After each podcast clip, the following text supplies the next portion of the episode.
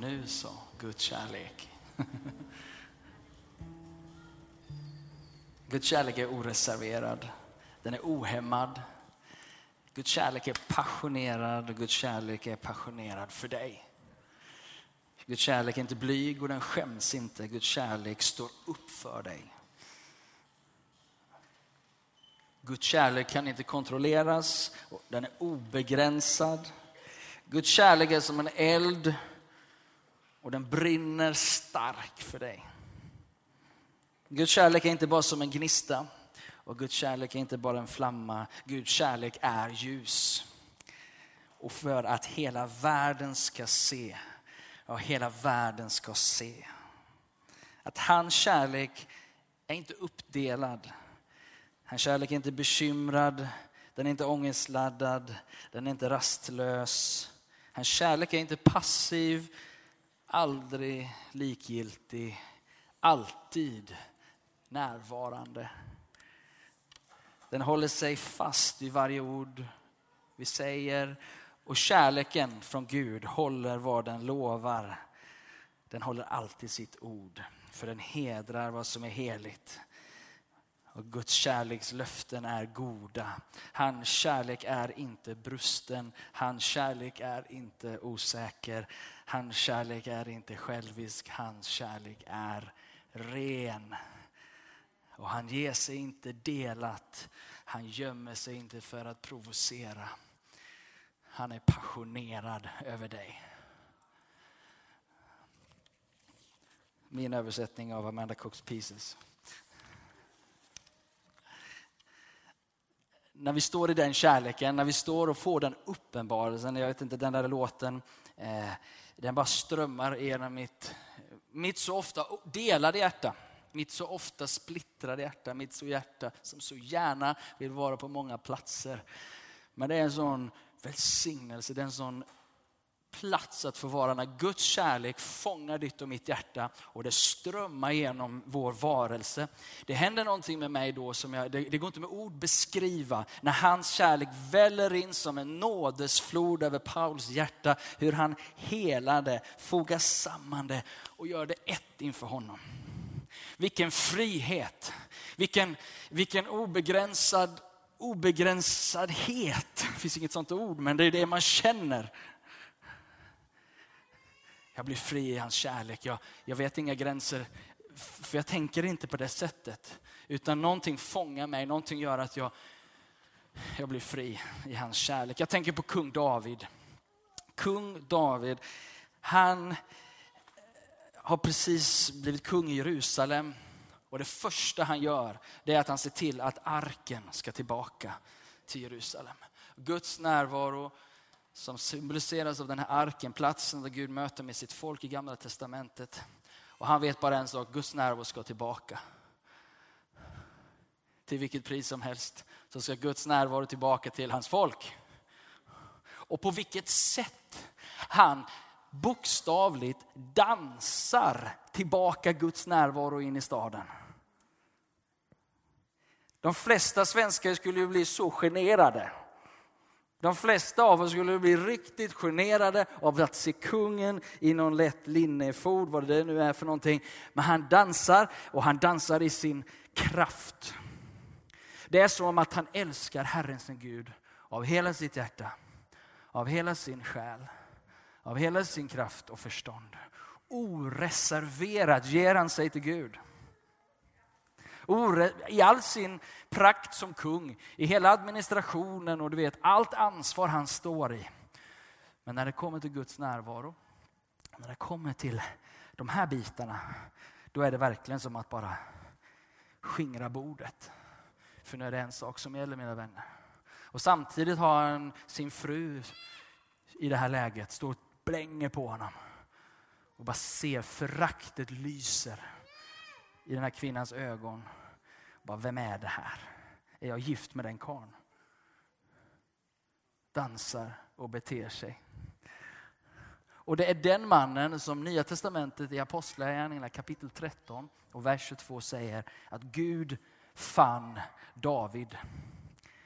Gud fann David, Esias son, en man efter mitt hjärta. Han ska insättas som kung och han ska få bli den som utför mina gärningar. Vem då? Jo, det är den här lättklädda, passionerade mannen som har fått se någonting av Guds sida att vara passionerad. Och det gör honom precis likadan. För jag tänker att det är bara på det sättet som han så hänsynslöst, ohämmat, oreserverat ger sig. Han har sett någonting hos Gud. Han har sett Guds kärlek. Han har sett någonting av Gud. Och då blir responsen sådan, tänker jag. Responsen i David kunde inte hämtas någon annanstans, tänker jag, än i mötet med Gud själv.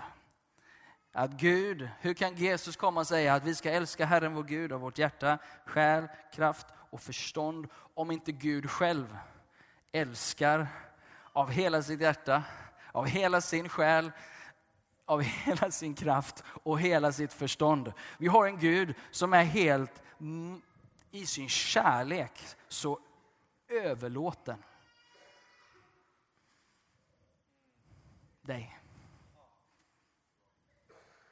Ditt liv sen. Så passionerad över dig. Debbie, han älskar dig. Över varenda en person som sitter där inne så har vi en skapare av himmel och jord. Och så är det som att han bär allting och så bara liksom Caspian eller Alfred eller vem som helst där inne. Är inte det makalöst? Utan han som har myriader av stjärnor i sin storhet väljer att älska dig så passionerat.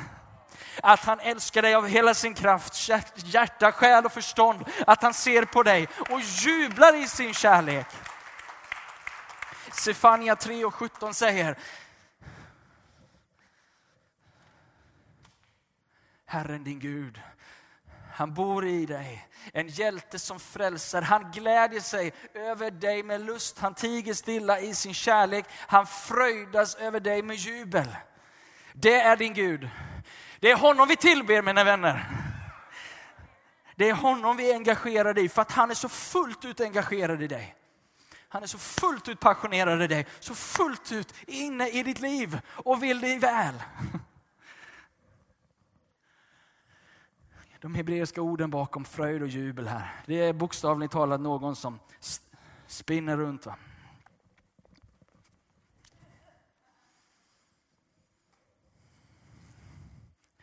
Kan du, jag vet inte om du kan se Gud framför dig.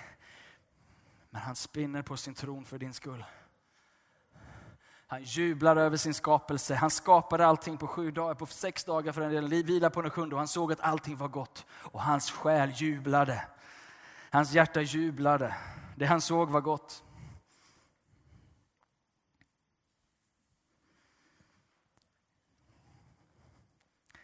Därför så vill jag vara som David jag också vill bli funnen av Gud. Jag också vill bli funnen av Gud. Jag vill bli funnen av Gud med ett hjärta som är efter hans hjärta. Som älskar så som han älskar. Jag vill ytterst inte bli funnen av dig. För tycka att jag är tokig här idag. Men att jag är lite för mycket eller lite för lite du får ta mig som jag är. Men mitt hjärta är sådant att jag vill bli funnen inför Gud. Jag vill bli funnen inför Gud. Och jag skulle önska att han kanske sa det en dag. Här är en man, Paul, min älskade son, en man efter mitt hjärta. Och det finns någonting i de där orden som, som eh, David gensvarar Mikael, som den här kvinnan heter, som, som föraktar honom. För att om du älskar Herren din Gud av hela ditt hjärta, av hela din själ, kraft och förstånd, så är det lätt att människor missförstår oss och det kan komma ett visst förakt. Har du märkt det? Ehm, och det handlar inte om att vi inte sköter våra uppgifter. Det handlar inte om att David är en dålig kung. Tvärtom. Han är en väldigt bra kung. Men när Mikael, det står det så här i Andra Samuels bok kapitel 6. Eh, för det första står det så här, själv, vers 14, dansade David med all kraft inför Herrens ansikte. Tillsammans med hela Israel så bar de upp Herrens ark under jubel och basuners ljud. I vers 16 står det att när hon såg kung David hoppa och dansa inför Herrens ansikte föraktade hon honom i sitt hjärta. Sen så kommer David, det går några verser, sen ska David hem och välsigna sitt husfolk. Och då säger Mikael så här, hur härlig har inte Israels konung visat sig idag då?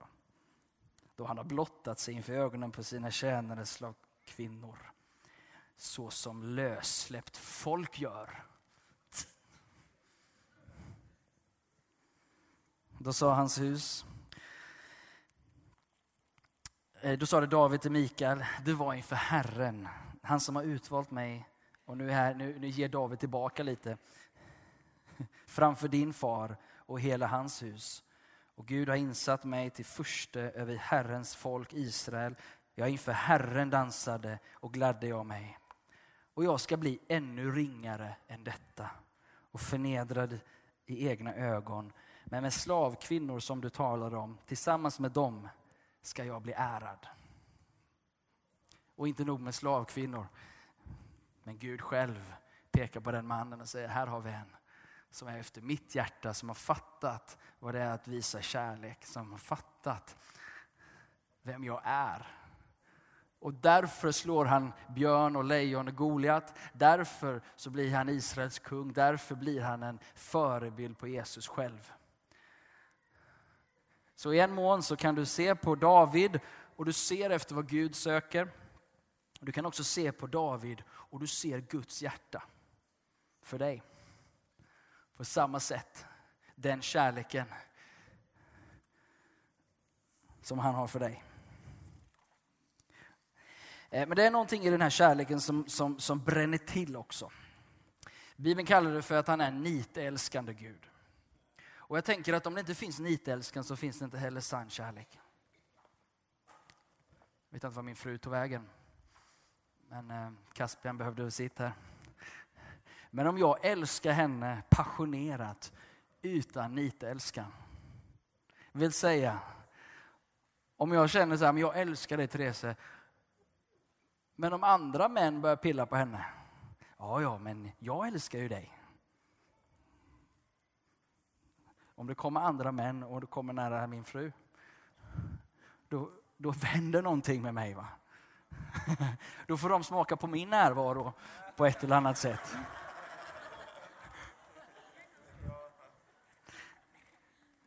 Hon är min!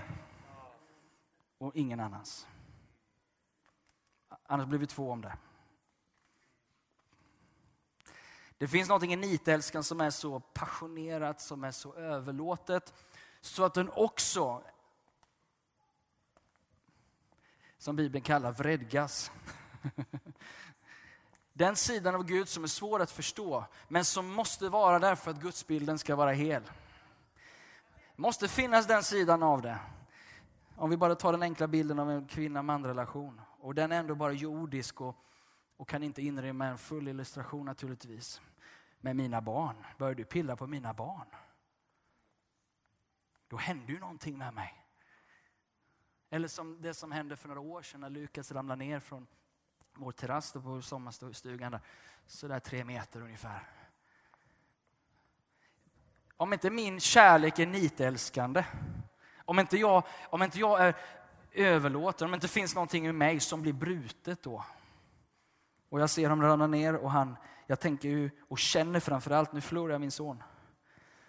Och jag blir chockad och liksom, det blir ett, eh, väldigt jobbigt. Han ramlar på gräset mellan två stenar och, och sätter sig upp ganska kvickt. Men hela mitt känslopaket tog emot honom, tog emot situationen som att det var finito då. En hel vecka var jag chockad. Den här kärleken är inte bara sammetsleende, det finns någonting också som säger jag vill ha din uppmärksamhet. Jag vill ha din, till, din kärlek och din tillbedjan. Jag har skapat dig för att leva i den relationen och din frihet är där. Så när Gud ser oss springa på avvägar, det är inte som att han bara, ja, ja, fine, fine, jag har ju skapat dig med fri vilja. Så det, och det, för det ligger i paketet, han älskar dig, inte som en robot, utan du får gå. Men han är passionerad i det här. Vår Gud är som en väldig eld, en consuming fire. Det finns någonting som brinner i hans hjärta som inte hotar oss, men som är passionerat, älsk, eh, fullt av kärlek. Och det är den bilden av Gud som väcker min passionerade kärlek tillbaka. Det är någonstans där jag förstår också att älska herre min Gud av hela mitt hjärta, av min själ, kraft, förstånd. Det är gensvaret identifieras i Davids berättelse när jag tänker jag vill bli funnen av Gud. Hellre än av människor. Och så vet jag det, att när jag älskar Herren min Gud av hela min varelse, då kan jag älska mig själv och så kan jag älska min nästa som mig själv. Det här genomflödet av kärlek. Istället för att börja i andra änden och försöka älska sin nästa utan att älska sig själv eller att älska Gud. Det är där vi så ofta hamnar. Att vi försöker vara goda människor men vi hoppar över de andra stegen. Egentligen så finns det något i mitt jag letar efter mitt sinne samtidigt som jag talar här. Och det är den här medvetenheten om Guds närvaro i våra liv. Att, att vi så lätt tappar den. Den orienteringen. Eh, och, och, och, det är väl liksom det som vi, vi letar efter de här veckorna när vi talar om, om, om tillbedjan. Vi letar efter att när vi, vi söker att vara ett tillbedjande folk. Att eh, vi vill vara som eh, värderingen, om du bläddrar tillbaka lite. Ett folk som har Jesus och hans närvaro i centrum. Utifrån det så blir vi kärleksfulla och hedrande mot alla människor. Utifrån det så kan vi se människors liv upprättade och utifrån det så växer vi i relationer. Utifrån det så kan vi också få leva ett liv i bön och tillbedjan Guds ord. Utifrån det så börjar Guds rike manifesteras. Utifrån det så börjar vi leva missionellt. Utifrån det så blir vi betjänande ledare. Men det är den här Guds närvaroorienteringen i vardagen. Och jag berättade, som jag inledningsvis också sa, vad är skillnaden? Eller, eller jag tar min berättelse istället. Jag gick och skulle hämta barnen på skolan här en eftermiddag förra våren tror jag var. Och jag vet inte vad som hände den dagen, men den dagen var en tung dag. Jag kommer inte ihåg exakt vad, men bara, du vet, känslomässigt så bara... Huh. Och så gick jag på väg till skolan och så tänkte jag, bara, vad skiljer mig från andra föräldrar idag? Eller bara sådär lite allmänt, att vara kristen, att ha ett liv med Gud. Vad skiljer mig idag från den som inte lever det livet? Och så första tanken tänkte jag att ja, men Gud, Gud är med mig. Men så kom andra tanken att ja, men Gud åtminstone söker ju att vilja vara med alla människor. Han söker ju varje människas hjärta. Och, och det var då liksom bara den enkla skiftet i huvudet. Var, ja, skillnaden är möjligtvis då att jag igenkänner att Gud är med mig. Det är därför jag kan gå till skolan och hämta barnen på ett annat sätt. Guds närvaro. I en stund så bara hela känslopaketet vändes. Att igenkänna att Gud är med, att igenkänna att Guds närvaro är med mig. Det är inte alltid så enkelt, jag säger inte att det är en knapp att trycka på, men grundläggande vetskapen om att Gud är med mig. Det är därför jag kan närma mig Goliat. Det är därför jag kan närma mig löftena. Gud är med mig. Jag har berättat den här berättelsen också tidigare när vi fick tvillingar. Eh, de är ju åtta år nu, så det här var ju en stund sedan. Men bara en sån här eh, vardagshändelse när Guds närvaro gör hela skillnaden i mitt liv. Ehm, och det här var tre månader in efter våra härliga små tvillingar kom. Och, och ja, vi hade ju inte en vettig natt på tre månader. Och en del har ju inte vettiga nätter på 18 år. Men, men, men eh, vi, har inte, vi har inte det måttet av nåd. Men de, de där tre första månaderna och, och var uppstyckad sömn. Vi hade startat bibelskolan. I, i, vi flyttade och renoverade lägenhet hela juli. Och startade bibelskolan i augusti och tvillingarna kom 8 augusti. Um, och var urvriden, så att säga, minst sagt. Och så mitt i natten så kom jag att tänka, klockan tre eller vad det var, och jag bara kände ångestpåslaget var, det slog i de här röda zonerna liksom bara, jag bara kände, wow. Um, och så minns jag den där pappan som så vänligt själavårdade mig innan vi fick eh, tvillingarna. Så att välkommen till två år av helvete. Bara sådär som en uppmuntran. Har vi några, har vi några tvillingföräldrar här idag? um, men jag tänkte, den ångesten jag kände eh, luktade svavel om man säger. Men eh, men mitt där och då så vet jag inte hur det droppar in i mig, men det droppar in i mig att Gud är här. Om jag än måste vandra genom eld, om jag än måste vandra genom det tyngsta av tyngsta, Gud är ju med mig. Och så plötsligt så börjar jag någonstans tacka Gud för hans närvaro, att han är med mig. Och liksom det börjar en, en väldigt krasslig eh, eh lovsång mitt i natten. Och så igen så händer någonting med mig och min fru. För vi satt och delade den här stunden mitt i natten. Han är ju med mig. Oj, kanske visar magen. Han är ju med mig. Gud är med dig. Det är skillnaden i ditt liv. Hans närvaro går med dig. Han är Emanuel, Gud med oss. Han bor på vår insida. Gud är med dig. Gud är med dig imorgon på ditt arbete. Gud är med dig i din familj. Där det stormar. Skillnaden är att ha Jesus i båten. Och så går vi en resa med honom och då handlar det inte bara om att han säger tig till stormen, utan det finns en resa med honom där vi också kan få vara med och tala tig till stormen. Och det är det som handlar om att vara en lärjunge, att bli och göra det han gör. Men det, någonstans så är livet trångt ibland, eller hur? Och det är, det är lättare att stå här. Det här är ju inte ångestladdat. Det är ju livet som är ångestladdat. Det här är en del av livet, det kan vara lite jobbigt ibland, men som regel så är det ju, det här är ju inte där det inte skaver i mitt liv, annars skulle jag inte stå här. Men när det skaver, eller när vi gläds, att igenkänna Guds närvaro. Så äran får gå uppåt. Så hjärtats inställning, vare sig vi lider eller vi gläds, så finns det en plats i Gud. En, en, en, en, en, en brutenhet i honom som gör att jag vilar inte på min kraft utan hans kraft. Som vilar på inte vad jag förmår utan vad han har gjort för mig och vad han förmår. Igenkännandet av vem Gud är mina vänner. Och när vi kommer hit på söndagen, då är det på något sätt ett crescendo i allt det här. Förstår ni vad jag menar då? då någonstans så, så kommer vi samman för att tillsammans igenköra, känna hans närvaro bland hans folk. Att tillsammans fira hans godhet. Att tillsammans ge honom cred. Och en hundratals likes. Inte för att han behöver det och taskig självkänsla idag, utan platsen av att tillbe är sådana vi blev skapade till att vara. Och när våra hjärtan älskar honom och hela sin varelse så är vi på platsen där vi är fria. Där vi kan börja älska oss själva och vår nästa som oss själva.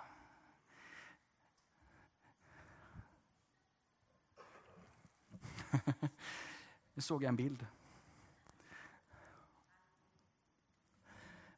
Så, så hela kyrkan bara ett hav av dansande människor.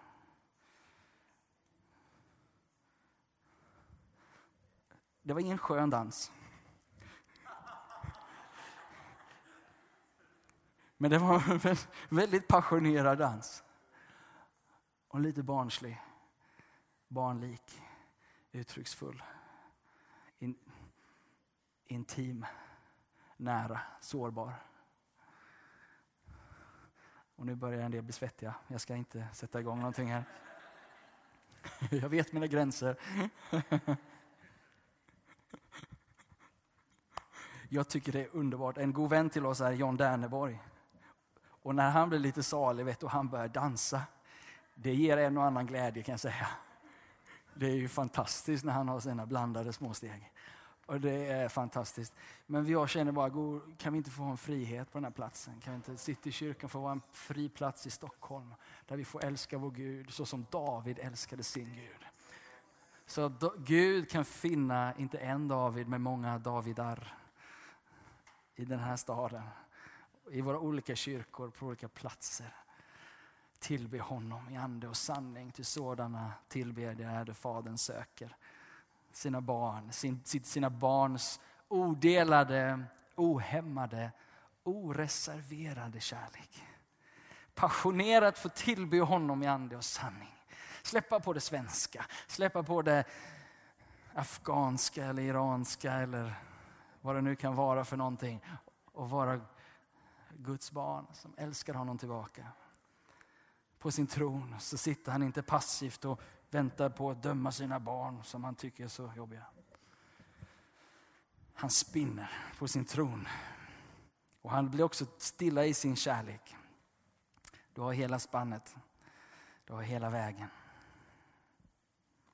Alfred, ska vi ta upp i teamet.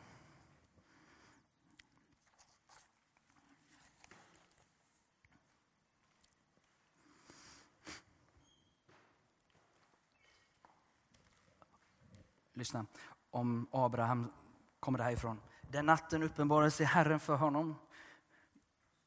Eh, förlåt mig, det här handlar om eh, om Isak. Jag är din fader Abrahams Gud. Frukta inte, jag är med dig och jag ska välsigna dig och göra din avkomma talrik. Och då sa Herren till Jakob, vänd tillbaka till dina fäders land och till din släkt, ty jag är med dig. Han svarade till Mose, jag är med dig och detta ska vara för det tecken på att det är jag som har sänt dig. Josua, har jag inte befallt dig att vara stark och frimodig? Var inte då förskräckt eller förfärad, ty Herren din Gud är med dig vart du än går. Och så vidare, och så vidare, och så vidare. Han är med oss. Låt oss stå upp tillsammans, hörni.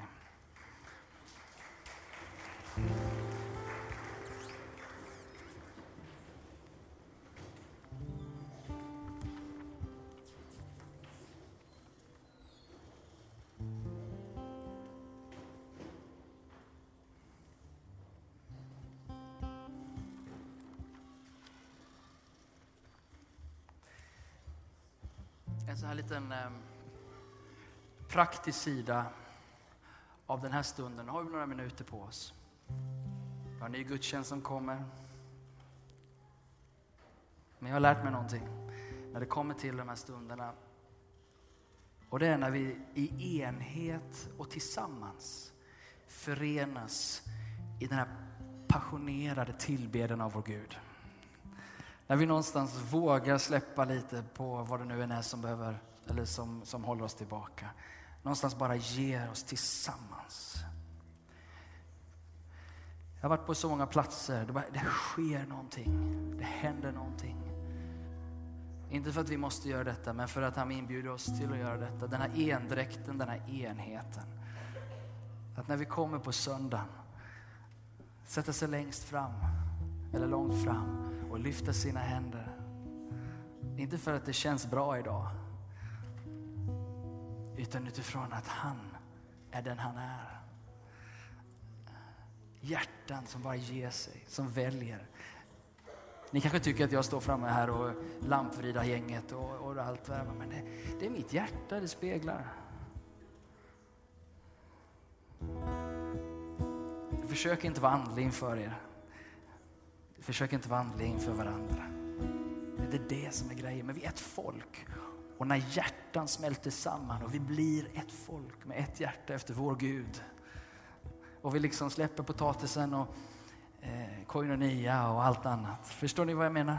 Jag vill komma hit på något sätt med en tillbedjares inställning att nu är det Guds närvaro som gäller, nu lägger vi bort det andra och nu söker vi hans hjärta tillsammans. Tänk att jag får vara en del av Guds folk. Tänk att jag får vara en del av ett folk som älskar Herren sin Gud av hela sitt hjärta, själ, kraft och förstånd. Tänk att jag får vara en del av det.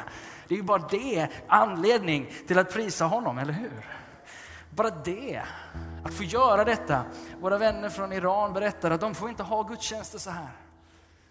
Och om de skulle ha det skulle säkerhetspolisen komma och banka på dem. Vi får detta. Låt oss tillbe honom. Vi sjunger ära, ära till Gud